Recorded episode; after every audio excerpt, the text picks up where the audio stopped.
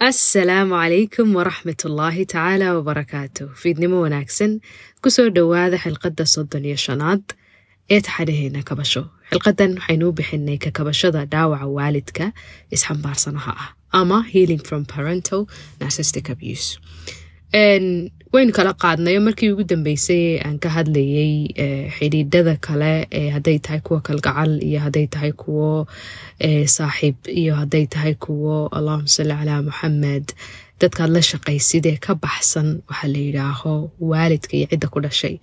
Gaar baynu uga hadalnay kakabashadooda iyo wuxuu qofku samayn kara iyo waxyaabuhu waxaweya tacticska uu ku shaqayn karo. Markuu plan garaynayo inuu xidhiidhadaa sumaysan ka baxo sababta aan uga gaar yeelay ama aan xilqad khaasa uga dhigay waalidka dhaawaca uu sababo waalidka isxambaarsanahahi waxaan ku sharaxay xilqadan xilqadii ku horeysay maadaama inaku aynu perspectivekeenna iyo aragtideenna iyo approachka aynu qaadanayno iyo sidaynu arrimaha u wajahayna ay marar badan ay mudan tahay inay jaangoyso muctaqadkeenna ama diinta aynu aaminsanahay. Oo ina faraysa in waalidka qiimi iyo wanaag iyo sharaf iyo weyneyn waxa weeyaan aynu kula tacaamulno marka markaynu ka hadlayno la tacaamulkooda waa inaynu very careful noqonaa oo aynaan iska qaadan soo jeedin kasta.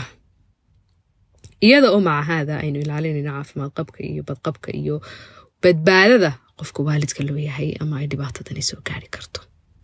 Marka sidii xilaaqaadkii hore aan ku soo sheegay dhibaatadan isxambaarsanaantu any xidhiidh bay ka dhex dhalan kartaa waxaan rajaynayaa inta xilqadoodee narsismka ka hadlayay ama isxambaarsanaanta ka hadlayay ee baxay inuun in ay ku dilaaciyeen il cusub oo ah in anyone uu noqon karo narcissist. Haddaba waalidku sida ay bani aadamka kale u noqon karaan isxambaarsanayaal ayay iyaguna u noqon karaan. Bale iyaga khatartooda iyo daamajka ay maskaxda iyo maanka gaarsiiyaan ilmahoodu waabuu ka xag jiraa kan dadkan kale. Sababtoo ah awal shay waalidku waxay leeyihiin authority ama awood u jaangoynaysa in uu u hogaansamo qofkan ay dhaleen. Oo bimujarad waan ku dhalay oo adduunkan ku keenay ayaa qofka wax badan ku xidhaysa.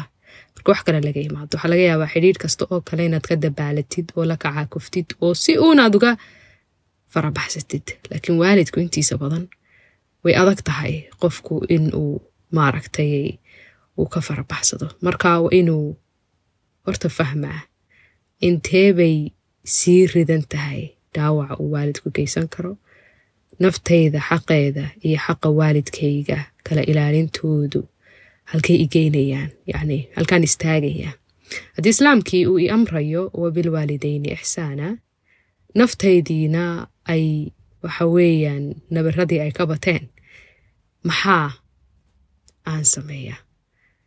Ma ilaahay baan caasiyaa? Mise naftayda ayaan waayaa? Dailama noocaasa ma kala qaybsanaan fikir iyo qalbi iyo caqliyo noocaas ayuu qofkii gelaya haddaba islaamku ilaahay subxaanahu watacaala qur'aanka wuxuu inagu leeyahay wacbud allaha walaa tushrikuu bihi shayan wabilwaalidayni ixsaana. Ilaahay caabuda oo cidna ha uu shariik yeelina ama ha la labaynina markaa caabudaysaan oo ilaahyo kale iyo sanamo kale iyo umuurahaasa gelina ee isaga u kaliya yeela cibaadada shayga layidhaaho cidda keliya rabbi idiin ah isaga ha ahaato. Markaasuu ilaahay wuxuu yidhi waa bilwaalidayni ixsaana waalidkiina wanaajiya. Ixsaanku waa martabada ugu sarreysa ee qofku marka uu awoodiisa bani aadantinimo isticmaalo uu wanaag ku samayn karo. Ixsaan an tacbud allaha kaanaka taraahu fain lam takun taraahu fainahu yaraaka. Marka cibaadaadka u timaado inaad ilaahay u caabudid sidii ood arkayso haddii aanad adigu arkayna isaga ku arkaya yacni waa focuskaaga iyo attentionkaaga intaad soo jeedin karto inaad soo jeediso raqaabadiisa iyo aragtidiisa iyo ogaalkiisa iyo cilmigiisa iyo inuu kaa warhayo aad ka warhayso markaad hortaagantahay kaanamaa inaad maaragtay qalbigaagii uu sawiran karo. Waxaa la yidhaaho connectionkaasi inuu gaarsiisan yahay heer aad basiirad ama qalbiga indhihiisa aad ku aragtid ilahay inaad hortaagantahay haddaanad karaynin baa lagu yidhi oo uu ka gaabiyo waxaa la yidhaaho malaawaalkaaga iyo maskaxdaada iyo dareenkaaga gudeedii isagaa ku arkaya. Marka ogaalkaa adigoo leh cibaadayso. Saas leeg haddaba marka waalidka loo yimaado waa bilwaalidayni ixsaana. Waalidka wanaagga ugu sarreeya aad u samayn karto. Awooddaada bani aadantinimo heerka ugu sarreysa ee aad ugu samafali karto ugu samafal. Gormo ayuu qofku yeeshaa awood samafaleed heerka ugu sarreysa. Waa marka la waxa weeye la tuso. Waxaa la yidhaaho wanaagu waxa uu yahay. Waxaa la yidhaaho raxmaddu waxay tahay. Waxaa la yidhaaho akhlaaqiyaadku waxay yihiin. Waxaa la yidhaaho sharaftu waxay tahay. Waxaa la yidhaaho gobonimadu waxay tahay. Waxaa la yidhaaho dhibirsanaantu waxay tahay. Waxaa la yidhaaho kala dambeyntu waxay tahay. Adigu waxaa tahay productkii ka soo baxay waalidkaaga insaankani tacaamulaadkiisa iyo dhaqamadiisa wuxuu ka kasbadaa waalidkiisa iyo bii-aduu ku koray iyo qaabkii loo koray iyo malcaamaduu tegay iyo iskuolkuu tegay iyo bugaagtuu akhristay iyo wuxuu arkay. Ilmahan seid ama iniin baa lagu ridayaa. Waxa weeyaan ka dhigaysa cidda uu yahay ama dhaqan baa la barayaa. Uu markuu dibadda u baxo laga dheehan karo qofnimadiisa. Haddaba su'aashu waxay tahay haddii qofkan bahdilaad iyo balanbal iyo cagajuglayn iyo dhibaatayn iyo isbarbardhig la barbardhigayo walaalihiisa kale oo u horseeday inuu xasad iyo xiqdi qalbigiisa ka buuxsamo. In laga dilo kalsoonidii nafsadii laga dilo raxmaddii laga dilo dhibirsanaanan weligii la tusin maxaa laga filan karaa? Maxay ayaa laga filan karaa? Waxaa laga filan karaa inaanay dhibirsanaani aanay ka imanin. Realistically marka si xaqiiqa ah loo hadlo القرآن الكريم رب ارحمهما كما ربياني صغيرة إلهي أغن حريصو waalidkayga siday ii rabeeyeen anoo yar yacni markaan vulnerableka ahaa ee aan jilicsanaa ee aan u baahi qabay siday ii hagaajiyeen ay ii ilaaliyeen ee raxmadda iyo wanaagga ii tuseen ilaah ugu naxariiso imagine qof aan raxmadba weligii la tusin marka waxaa jira ilaahay subxaanahu watacaala marka uu mas'uuliyaadka qaybinayo wuxuu qaybiyaa si cadaaladii ay ku jirto. Kafaduhuma kala dheera ilmuhu wuxuu leeyahay xuquuq. Waalidkuna wuxuu leeyahay xuquuq. Waalid baa qof ilmo a dhalay keliya xuquuqi kama waajibayso xuquuqaadku waxay ka waajibaan marka xuquuqaadka lagu leeyahay cidda ay wax u waajibaysaa ay gudato. Anyone baa ilmo dhali karaya dad baa xaaraan isugu tegay ilmay dhalayaan way xaggaasay waa la qaadayaa qashinkaa la dhigayaa qof kalaa helayaa hadduu ilmahaasi nabad lagu soo gaadho eyga cunin wuxuu gelayaa waxaa la yidhaaho meelaha lagu koriyo ubadka la tuuro. Ilmahaas oo kale haddii toban sano kabacdi uu cidi sheegato ay tiraaho anigaa ku dhalay berigii baan ku tuuro durufayo muraygu haddaabuu yidhaaho laga helo ambay tiraaho laga helo. Ma laga filan karaa inuu wanaajiyo waalidkiisa yani marka waxaa caqliga bani aadamka insaanka ah ee saalixa ahi uu sheegayaa in qofka wanaagga laga filan kara uu yahay qof wanaag loo sameeyey. Taasi ma waxay waajibinaysaa ama ay fasaxaysaa in waalidka lagu kakanaado lagu edab darnaado lagu akhlaaq xumaado loo arko sidii qofoon maaragtay kula mida amba lagu dhararsado amaba la idhaaho mar haddii aanu waalid waxay samaynana waxa uu samayn maayo hooyo isii xaalku loola dhaqmo abadan. Ee tani hadalkan waxaan u leeyahay ama hordhacanan u samaynayaa inaan validate gareeyo dadka faraha badan faraha badan faraha badan faraha badan ee aanan helin raxmadda iyo wanaagga iyo dhibirsanaanta iyo gobonimada iyo sharfidda iyo ilaalinta iyo koriimada saxda ah. Qof kasta oo waalid lihi ma dareemo waxay waalidnimadu ay tahay taasina waa xaqiiqo u baahan in markaa dadka dhibaatooyinkooda lagala hadlayo in la validate kareeyo la micna siiyo aanan micnaha laga qaadin. Marka tallaabada ugu horeysa ee kakabashada dhaawaca waalidka isxambaarsanaha ahi waa in marka ugu horeysa dhaqanka narsistig ah ama isxambaarsanaanta ah adigoo ilmo ah aad qiri kartaa waalidkaygu. Wuxuu leeyahay dhaqanka noocaasa. Dembi maaha. Inaad gilt dareentid maaha dhibaatada laguu geystay ood qirtood farta ku fiiqdood rabtid inaad ka kaba tahay dembi maaha. Ilaahay agtiisa dembi kagama galaysid kagama hee galaysid marka waa inaad recognize garaysaa in behaviorkaasi horta awal shay uu jiro. Kow. Arrinka labaad waxa weeyaan in aad fahamtid bal horta isxambaarsanaantu waxay tahay haddii aad fahamtid waxay kaa caawinaysaa inaad ogaatid sida ay kuu saameynayso. Siday kuu saameynayso.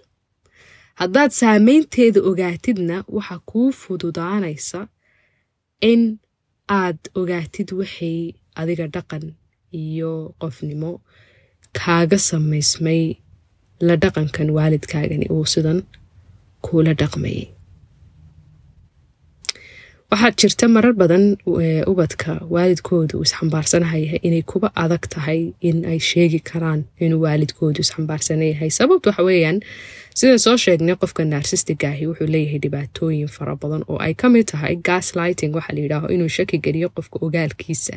Oo wuxuu arkayo uuga dhiga inaanu arkayn. Wuxuu leeyahay silent treatment in aanu laba hadlinba xataa hadduu ilmi yidhaaho waxaasaan dhibsanaya amba waxaasaan diidaya in aan laba ictibaarin ama meeshaba aan laga qaadin wuxuu leeyahay waxa layidhaaho gil tripping oo ah in mar walba la dembi dareensiiyo. Wuxuu leeyahay dayac wuxuu leeyahay isbarbardhig uu ubadkii isbarbardhigi karayo. Most of the time waalidku markuu narsistic yahay waxaa la yidhaaho ubadkooda way kala jecel yihiin. Kala jeclaanta dabiiciga ahee markuu ilmo yahay ilmo baariya baariya baariya baariya uu si automatica waalidku ugu dabcaya ma sheegayo. Ee kala jeclaan in ubadka intuu saa eego midkoodna uu yahay the golden child. Ilmahan la dahabeeye cajiibka laga dhigay isaga mooycid kale aanay maaragtay guriga ka jirin aan yaan la taaban yaan loo dhowaan yaan la toosin yaan laga taaban yaan la eegin laga dul hadlin la idhaaho in weligii canaantu qabanin ee weligii lala xisaabtamin ee weligii waxba loo sheegin ee weligii waxwey waxba loo dirin ee cajiibka. Kudbi ilmaha ugu yar kudbi mid dhexe kudbi ka ugu weyn ayankan ilmaha waxay u abuuraan waalidka narsistigaahi waa in kuwa ay rabaan in ay gumaystaan ama ay dhibaateeyaan ay mar walba barbar dhigaan. Hebel baa kaa fiican hebel baa kaa baarsan hebel baa kaa cajiibsan hebel baa kan sidan ah hebelba waxaanuu samaynaya hebelba waxaanuu ku fiican yahay adigu maxaa sidan u tahay adigu maxaa sidan u tahay. Taas waxay u fududaynaysaa ilmihii inay kalsoonidiisii iyo qofnimadiisii individualitigiisii ay ka lumiyaan.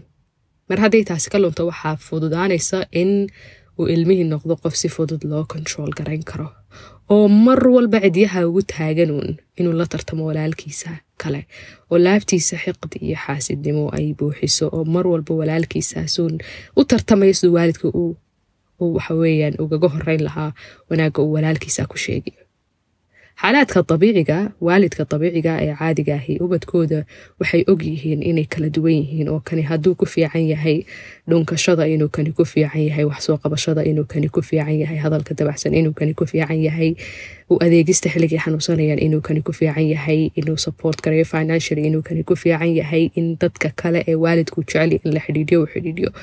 Waxay ogol yihiin wax la yidhaaho kala duwanaanshiyaha ubadkooda markuu waalidku waalid dabiiciya oo aan isxambaarsane aanu ahayn. Imaa waalidku marka uu yahay waalid isxambaarsan muhiimadiisu maaha cid baa kala duwane waa inuu cid favorite ka dhigtaa favorite markuu ka dhigto ama ilmaha inta badan u janjeero kuwa kaleo dhan waxay ku khasban yihiin inay kaala tartamaan inay kaa isku dheririyaan inay kaa nacaan. Ubadkan dhexdooda ayuu wuxuu sameynaya intuu kala qaybiyo inuu haddana qorshayaal kala gaara. Oo waxaweyaan u dhigo maadaama uu ruuxu markuu narsistiga yahay muhiimadiisu tahay inuu isagu isbararayo isaga uun loo adeego. Waalidka yani very unfortunate weeyaan xaalado. Aad runtii ay xun tahay xataa in waalidka lala mideeyo oo yani sentence waalid iyo bararsanaan mar lagu wada sheego. Laakiin waalid fara badan waxaa laga arkaa in muhiimadoodu ay tahay uun in iyaga pridekooda iyo qabkooda uun la koriyo muhiim maaha inuu ilmahoodu murugoonayo muhiim maaha inuu ilmahoodu cidloonayo muhiim maaha in ilmahoodu baahan yahay muhiim maaha in ilmahoodu uu dirqisan yahay uu ku dirqisan yahay qabashada waxyaaba aanu awoodeynin ama aanu karaynin ama aanu capacity maskaxeed ama mid jireed ama mid caqliyeed ama mid fikireed ama mid dhaqaale inuu waxaweyaan uu ku khasban yahay inuu qabto. Muhiimaddu waxaweyaan inay yaku dareemaan powerful inay yaku dareemaan waxaa la yidhaaho inuu qabkoodu mar walba afufnaado waxaa jirta markaa waalidku marka uu yahay waxaa la yidhaaho narsistiga wuxuu ku sameeyaa ubadkiisa inuu duleeyo inuu magacaanu lahayn ugu yeedho inuu yani mar walba boli gareeyo inuu jirhkooda aragooda muuqooda aqoontooda qaabkay u hadlaan qaabkay u socdaan qaabkay u seexdaan mar walba mar walba mar walba mar walba in wax yani ay jiraan astaamo uu ku liida oo ilmihii uu naftiisii naco araggiisii naco muuqaalkiisii naco qaabkuu hadlayo uu naco. Qaabkuu hadlayo uu naco. Marka ogaalka aad ogaatid oo ma aad fahamtid waxa uu yahay isxambaarsanaantu. Dabadeetana aad dibintaad qalinkai warqadda u qaadatid aad ogaatid saameynta adiga kugu yeelatay dabadeetana aad ogaatid waxyaabihii iyo tuulskii uu waalidkaagu isticmaali jiray siduu waxaweyaan isxambaarsanaantiisa kuugu saameeyo adiga shakhsiyadaada meeshay ka xagatay iyo siday u gashay inaad ogaatahay waxay kaa caawinaysaa stabka stabkan ku xigoo ah in bal dareemadii kaaga dhashay aad la tacaamuli kartid. Marar badan waxaad dareemaysaa caro waxaad dareemaysaa karaahiyo waxaad dareemaysaa muxuu waalidkan iga dhalay waxaad dareemaysaa yacni iswaa fara badan baad dareemaysaa. Marka mid wax dabiiciya ma tahay inuu ruuxu dareemo iswaa ama caro ama waxaweyaan karahid. Waa wax dabiici jiddan ah. Sababtoo ah waxaweyaan dareen kasta oo xanuun la waxaa ka dhasha falcelin xanuun badan baa ka dhalata. Maaha taasi kuma siinayso permission inaad waalidkaagii u taariikhayso ambaad caydo ambaad gacan ula tagto ambaad dhibaatayso laakiin waa inaad validate garaysaa dareemada gudahaaga ku keedsan ee tacaamulka iyagu kula tacaamuleen ama sida ay kuu galeen ka dhashay. Ka dhashay zamankii cumar bin khadaab wiil iyo aabihiiyo ishaysta ayaa u yimi deetana waalidkiibaa wuxuu yidhi ilmahani waa caaq oo yacnii wuxuu sameynayaa waa ilmo waalidinkaara saanuu sameeya saanuu sameeya saanuu sameeya cumar baa ku yidhi balhaye adna hadal wuxuu yidhi abahay wuxuu yidhi waxaan ku weydiinayaa waalidku miyaanu ilmuhu maanu ku lahayn waalidka wax xuquuq ah cumar khadaab baa yidhi haa wuu ku leeyahay? Muxuu ku leeyahay? Markuu guursanayo waalidku inuu waalid fiican intii awoodiisa iyo dogaalkiisa uu u dooro qof is leeyahay uu wanaajinaya ilmahaaga hadduu ku dhalo inuu magac fiican u bixiyo in uu waxa weeyaan xuquuqaadkiisa kala ilaaliyo inuu wax baro aqoon baro. Deetana wuxuu ku yidhi waalidkaygu horta imuu barin imuu doorin hooyo wanaagsan. Oo hooyaday saasi saasay ahayd. Laba waalidkaygu waxba imu barin. Saddex magac fiican imu bixin. Wuxuu ii bixiyey magac markaa af soomaali ahaan noqonaya xaar walwaal. Ilmihii markaa markii uu gar sheegtay cumar bin khadaab wuxuu yidhi ilmahaagan intii aanu waalid inkaar kugu noqon ka hor ayaad adigu yacnii inkaar ku noqotay ilmahaagii marka xaqiisii waxaad dayacday ka hor inta aanu xaqaagii dayacin. Taasi waxay ku tusaysaa in ilmuhu uu leeyahay xuquuq. Ka hor inta aanu waalidka xuquuqdu aanay u waajibin. Dhibaatooyinka waalidku ilmaha u geysto marka uu yahay isxambaarsani ilmuhu waxa uu ka dhitiyaa ka kici waayaa marka uu soo weynaado bil akhas markuu adduunyada iyo dadka u soo dhexbaxo ee uu rabo inuu shaqaysto ee rabo inuu guursado ee rabo inuu asxaab yeesho ee rabo adduun inuu maro ee dee gurigii uu ka soo baxo. Waxyaabaha ugu adag ee uu insaanka yaraantiisii waalidka isxambaarsanaha ahi soo koriya uu la kulmo waxaa ka mida inuu xidhiidh samaysigu uu ku adkaado. Mar walba khilaafaad iyo dhibaatooyin iyo isfaham waa iyo stability la'aan in istiqraarkii iyo deganaashiyihii uu ka lumo in uu shaki badan leeyahay in aanu safe ku dareemeyn xidhiidhaha uu sameeyo in uu waxa weeyaan xataa xidhiidhada jacaylka marka laga imaado kuwa dadkuu la shaqeeya kuwa walaalihiisa kuwa cid kastaba inuu tartan kula jiro inuu xaasidayo in xiqdi ka buuxo in mar walba uu leeyahay people pleasing inuu leeyahay inuu rabo uun inuu cid kale raali geliyo oo qofun waxa weeyaan kalifan uu yahay why? Because xidhiidhkii koobaad uu lahaa baan ahayn mid caafimaad qaba ama hooyadii ama aabihii ama ciddii soo korisay marka waalid u ahayd xidhiidhka uula lahaa ayaan ahayn mid caafimaad qaba oo mar walba uu tartan ku jiray oo mar walba uu safety la'aan iyo nabad la'aan ku jiray oo mar walba uu buuqiyo dhibaato ku jiray oo mar walba ahaa ilmo cagaha waxweeyaan ku taagan cidiyaha ku taagan. Markuu soo weynaado saasuu noqonaya. Saasuu noqonaya. Marka dadka siduu ugu sidkamayo ayaa waxay noqonaysaa sidkanaan waxa weeyaan kala dhantaalan oo waxa weeyaan aanan caafimaad qabin. Aanan caafimaad qabin. Inta badan dadku markay la soo koreen waalid isxambaarsanaa markay soo weynaadaan waxay dareemaan wax la yidhaaho waxay ka soo yani laga soo aanan laga soo haqabtirin kalgacalkii iyo wanaagii iyo jacaylkii iyo dhawaanshihii marka intaa waxay waa dad gaajoonaya gaajo ruuxiya gaajo dareemeedga ay hayso oo crave garaynaya. Waxa weeyaan waxa la yidhaaho connectionka inay dad kale la xidhiidhaan inay dad kale daneeyaan inay cid kale uun ka raadiyaan validation iyo qiimeyn inay ka raadiyaan waxay raadiyaan raadiyaan raadiyaan raadiyaan. Haddiiba ay u suurto gasho oo ay xidhiidh caadiya galaan kolkiiba xidhiidhkii waxaweyaan haddana way self sabotage bay sameeyaan oo nafagrashay sameeyaan haddana way ka baqaan.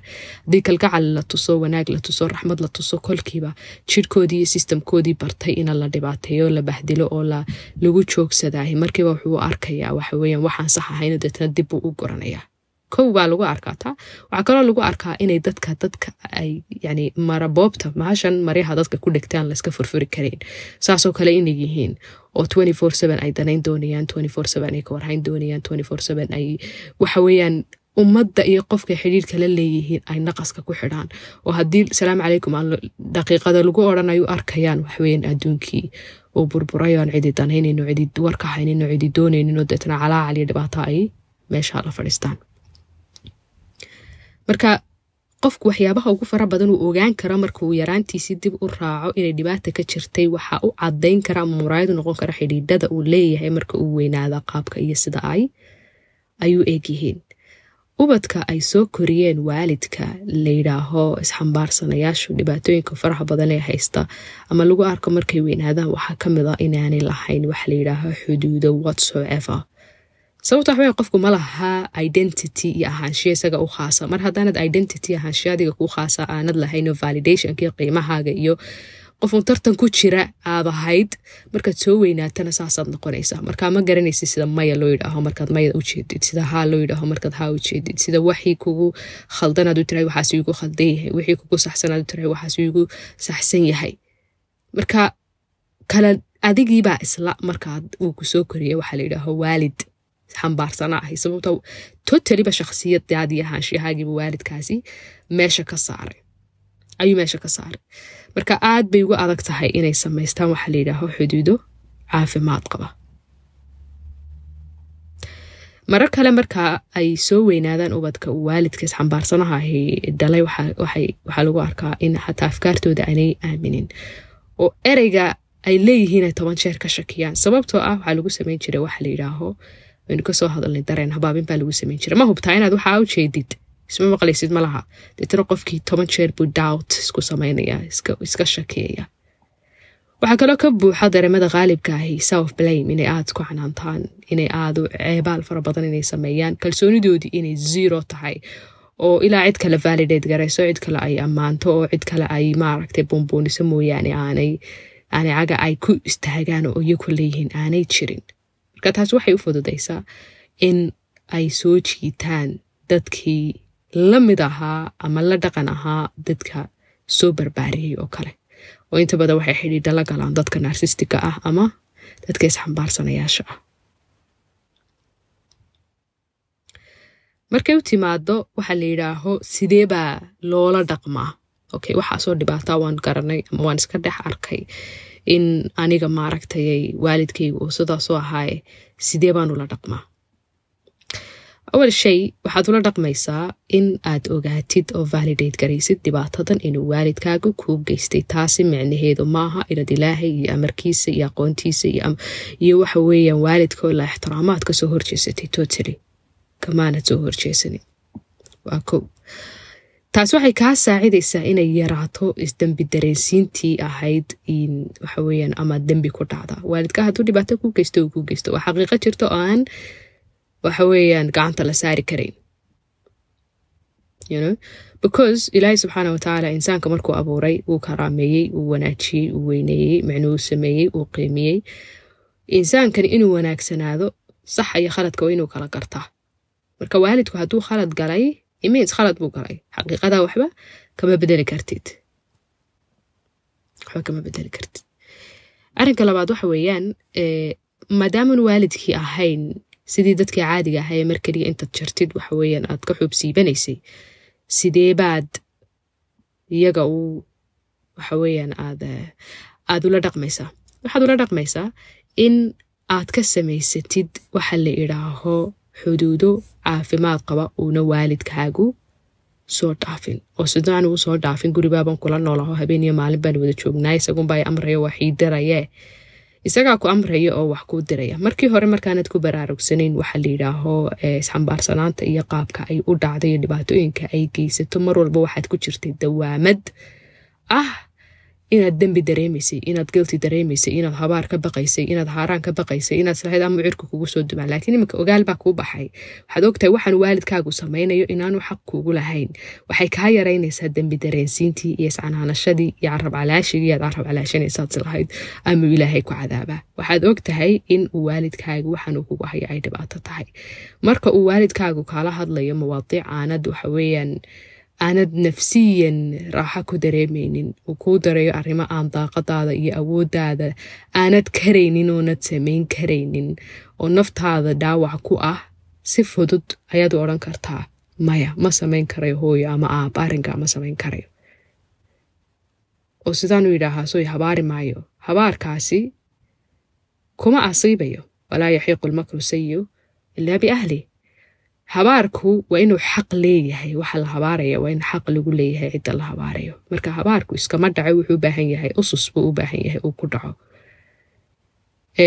Inta badan markuu waalidku yahay waalid isxambaarsan ah lama fahamsiin karo inuu khalad ku jiro. Marka boundarieska iyo xuduudaha aad samaysanaysa waa inay raxmadi ku ladhnaataa oo aanad face intaad faraha indhaha ka gedisan samaysa ma dhacayso. Adiga waxay siisii yeelaya. Waalidkaaga authority buu kugu leeyahay. Waxa kuu garbaduubaya. Cid alle ciddii ku ag joogtay ee ehel lahayd ee asxaab lahayd ee jaar lahayd sababtoo ah fikirka waxa in waalidka la ixtiraamo. Marka waa inaad smart ahaataa markaad xuduudaad kala dhiganaysid oo aad maya odhan kartaa isagoon mayadii u arkin inaad arrinkiisa jabinaysid waa in aad ka shaqaysaa waxa la yidhaaho thoughtskaaga iyo afkaarta taban ee kugu soo dhacaya. Ood ogaataa marka aad waalidkaa wanaag u samaynaysid intaad karaysid waxaanad ku kalifnayn inaad u samaysid ixsaanka. Waxa ugu badan ee lagaa rabaa waa in aad nafta bani aadamka ee kugu jirtaa ay waalidkan u samabasho intii ay karayso. Aanad iskalifin aanad araxda iska jabin aanad waxaan aanad karaynin aanad isku kalifin ilaahay wuxuu kuu diray wabilwaalideyni ixsaana wanaag waalidkaaga u samee kuma odhan dhabarka iska jabi kuma odhan dayn soo gal kuma odhan toban iyo shan faamiliyo aanad karaynin inaad saboorto saboort gare kuma odhan laa yukalif allahu nafsan ilaa wascaha kuma odhan wax aniga macsi ay igu jirto samey si aad waalidkaa aad ugu samafashid sababtoo ah ilaahay subxaana watacaala arrinkaa winaga winaga joojiyay inay samayno marka waalidkaagu hadduu ku leeyahay naftaada dhibaatee? Waa inaanad ka yeelin. Hadduu ku leeyahay xaaskaaga fur xaaskaagiion dhibaato iyo dhib aydaan isku qabin ubadkeedii korsanayso caadiya yaanay kaa dhaadhicin afkaarta la geliyey waxaa la yidhaaho ummadda ee ah nebi ibraahim baa u yimi inankiisiiyo dabeetana wuxuu ku yiri guriga daaha ka bedelo deetana xaaskiisiiba furo sanad kale u yimi. Nebi ibraahim inankiisuu saa ku yidhi laakiin taasi kama dhigayso shariicad iyo wax lagu dulmiyo dadka kale iyo reeraha isqaba ee aan wax dhibaatiya aanay dhex olin shakhsiyadaada markaa markaad ka shaqaynaysid inaad u soo celisid identitygeedii iyo fikirkeedii saxda ahaa ee aad hiilinka iyo kabashada ka helaysid dhibaatada waalidkaaga kuu geysto waxa aad ka shaqaynaysaa waa inaad identity ka madax bannaan waalidkaaga aad samaysatid. Oo kalsoonidaadii iyo naf aragaagii iyo shakhsiyadaadii iyo go'aamadaadii qofeed aad adigu samaysatid ee aanay ka imanin meel dembi dareensiina iyo waalidkaygu hadduu aan saa yeeli waayo amuusa yidhaahda. Taa kuma dembi gelaysid kuma dembigelaysid shakhsiyad ka madax bannaan samaysankan uu waalidkaa samaynayo. Shakhsiyadan burbursan waa inaad samaysataa si aad uga badbaadid waxaa la yidhaaho dhibtiisa iyo dhibaatadiisa. Identity cusub waa inaad samaysataa waa inaad naftaada ka saamaxdaa wax kasta oo aad waxa weeyaan u ogolaatay in lagu sameeyo adigoo ka baqaya habaar ama hiiftan ama cirku inuu kugu soo dumo. Because markuu ogaal kuu kordho waxa kuu soo ifbaxaya waxyaabo fara badanood naftaada ku dulmiday taasi waxay kuu sahlaysaa inaad dareemadaadii fahamtid. Dareemadaadii haddaad fahamtid oo aad kala dooratid xili muu sax yahay dareenka giltigan dareemaya. Ma markaan wax kasta oo awoodaydiiyo karaankayga aan waalidkayga u sameyn waalidkii weli sii hadlaya oo weli raba inuu sii habaartamo oo igu push garay waxaanan samayn karaynin. Maxaq waa inaan sii dareemo guilt. Marka waxaad waxaa kuu fududaanaysa inaad process garaysid afkaartaadiiyo tiraahid maya. Maaha guiltkan iyo dambi dareensiintan iyo ceebaalkan aan dareemaya mid saxa waa mid naftaydan wax ugu geysanaya. Marka waalidkay waxaan ogahay oon ku kalsoonahay inaan u sameeyey wax kastoo awoodeyda ku jiray ogaalkayga uu karayay. Sida ugu quruxda badan ee waxaweyaan ugu dhibarsan wixii intaa dheeraadana waa wax naftayda dulmi ku noqonaya. Marka naftayda ma dulmiyayo marar badan markaad ku baraarugtid dhibaatadii waalidkaaga kuu keenay ama kuu geystay ama adoo weynba kuu geysanayay waxaa ku gelayaa wax la yidhaaho dareen isbarbardhig dadka kaleba waalidkooda u wanaagsay aniga muxuusaa iigu noqon waayey marka kaana waa inaad ka digtoonaataa sababta waxay kan baa ku jiraa waxaa laga yaabaa dadka aad waalidkooda ku majeeranayso in masaa'ib kale ay haystaan oo karteen haddii adiga kabahooda lagu geliyo. Marka la tacaamul adigoo naftaadu ay priority kuu tahay awlawiyad ay kuu tahay. Markaad adigu caafimaad qabto ee la xawgaa aad iyo waxa weeyaan dhibaatada iyo naxliga aad ka ladan tahay ayaad samafal samayn kartaa ayaad cibaadaysan kartaa ayaad ilaahay subxaanahu watacaala u soo dhowaan kartaa. Laakiin haddii nafsiyan aad burbursan tahay oo dhibaataysan tahay oo caqliyadaadii iyo nafsiyadaadii iyo dareenkaagii lagu joogsaday dee ma noqon karaysid adoon sax ah oo waxaweyaan cibaadaysan karaa. Marka awlawiyad waa inay naftaada noqotaa walinafsika calayka xaq marka waxaa dhacaysa inaad iska taxsiyeyso waxalaaliya wixii wanaag aad u qalintay aad ka heli weyday waalidkaaga inaad naftaada ka taxsiyeysid isku daydid wixii ciwad adugu aad samayn kari wixii laguu samayn waaye inaad yani cid kala siisid saasuu bani aadamku ku caafimaadaa haddii ilaahay ubad kaa sarrifo jirkaaga inaad ubad kaa siisid oo raxmaddii iyo wanaaggii iyo dhibirsanaantii iyo fahamkii iyo dhegaysigii aad waalidkaa ka soo weyday aad waalidkaaga aad ilmahaaga aad adigu u qabatid. Waalidkaagu hadduu jilicsan yahay amba uu weyn yahay amba u gaboobay ambaad taageeraysid dhaqaale ahaan inaad u samaysid inaad u samaysid ilaahay wejigiisa inaad u samaysid. Adigoo naftaadana kalifayn isdarqiyaynin waxna aanan la kala haraynin. Waa dabiici markaa inan kala qaybsanaanaad dareentid sababta waalidku qaar baa jira ubadka abusif ku ah oo abusif markan ka hadlaya isxambaarsanaantan oo keliya maaha ee physically abusif ku ah oo ilmahooda gubaya oo dhibaatoynaya oo garaacaya.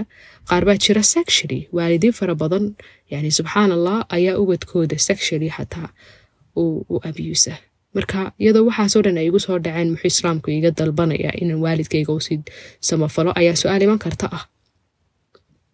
Islaamku wuxuu jideeyey waxaa la yidhaaho inuu insaanku noqdo insaan xaqa naftiisa iyo xuquuqda kaleba kala yaqaana marka markaad adigu soo kabatid ad soo caafimaadid waxaad wanaag samaysay waxaad samafal samaysaa waa waxaad ilaahay ugu dhowaanaysid waa dabiici inay dareenka cadhada iyo nacbaanshiyaha iyo karaxsigaasi ay gudahaaga ku jiraan laakiin self disciplinku wuxuu ku barayaa in adigoo waxaasoo dhan ay kugu jiraan adigu process garaysid wixii xuquuq lagugu leeyahay inaad adigu iska gudid aad iska gudid haddii aanan la joogi karayn waalidkaygu uu dhibaatooyinkii adduunka iisoo marsiiyey markaan yaraayo sexually isoo dhibaateeyey oo physically isoo dhibaateeyo maanta iyaga aan kinin u qaadanayo maxaa islaamku ka leeyahay? Islaamku wuxuu awlawiyadda saarayaa mar walba inuu qofka bani aadamka ahi caafimaad qabo si uu cabdi adoon ilaahay u cibaadaysan karo uu u noqdo.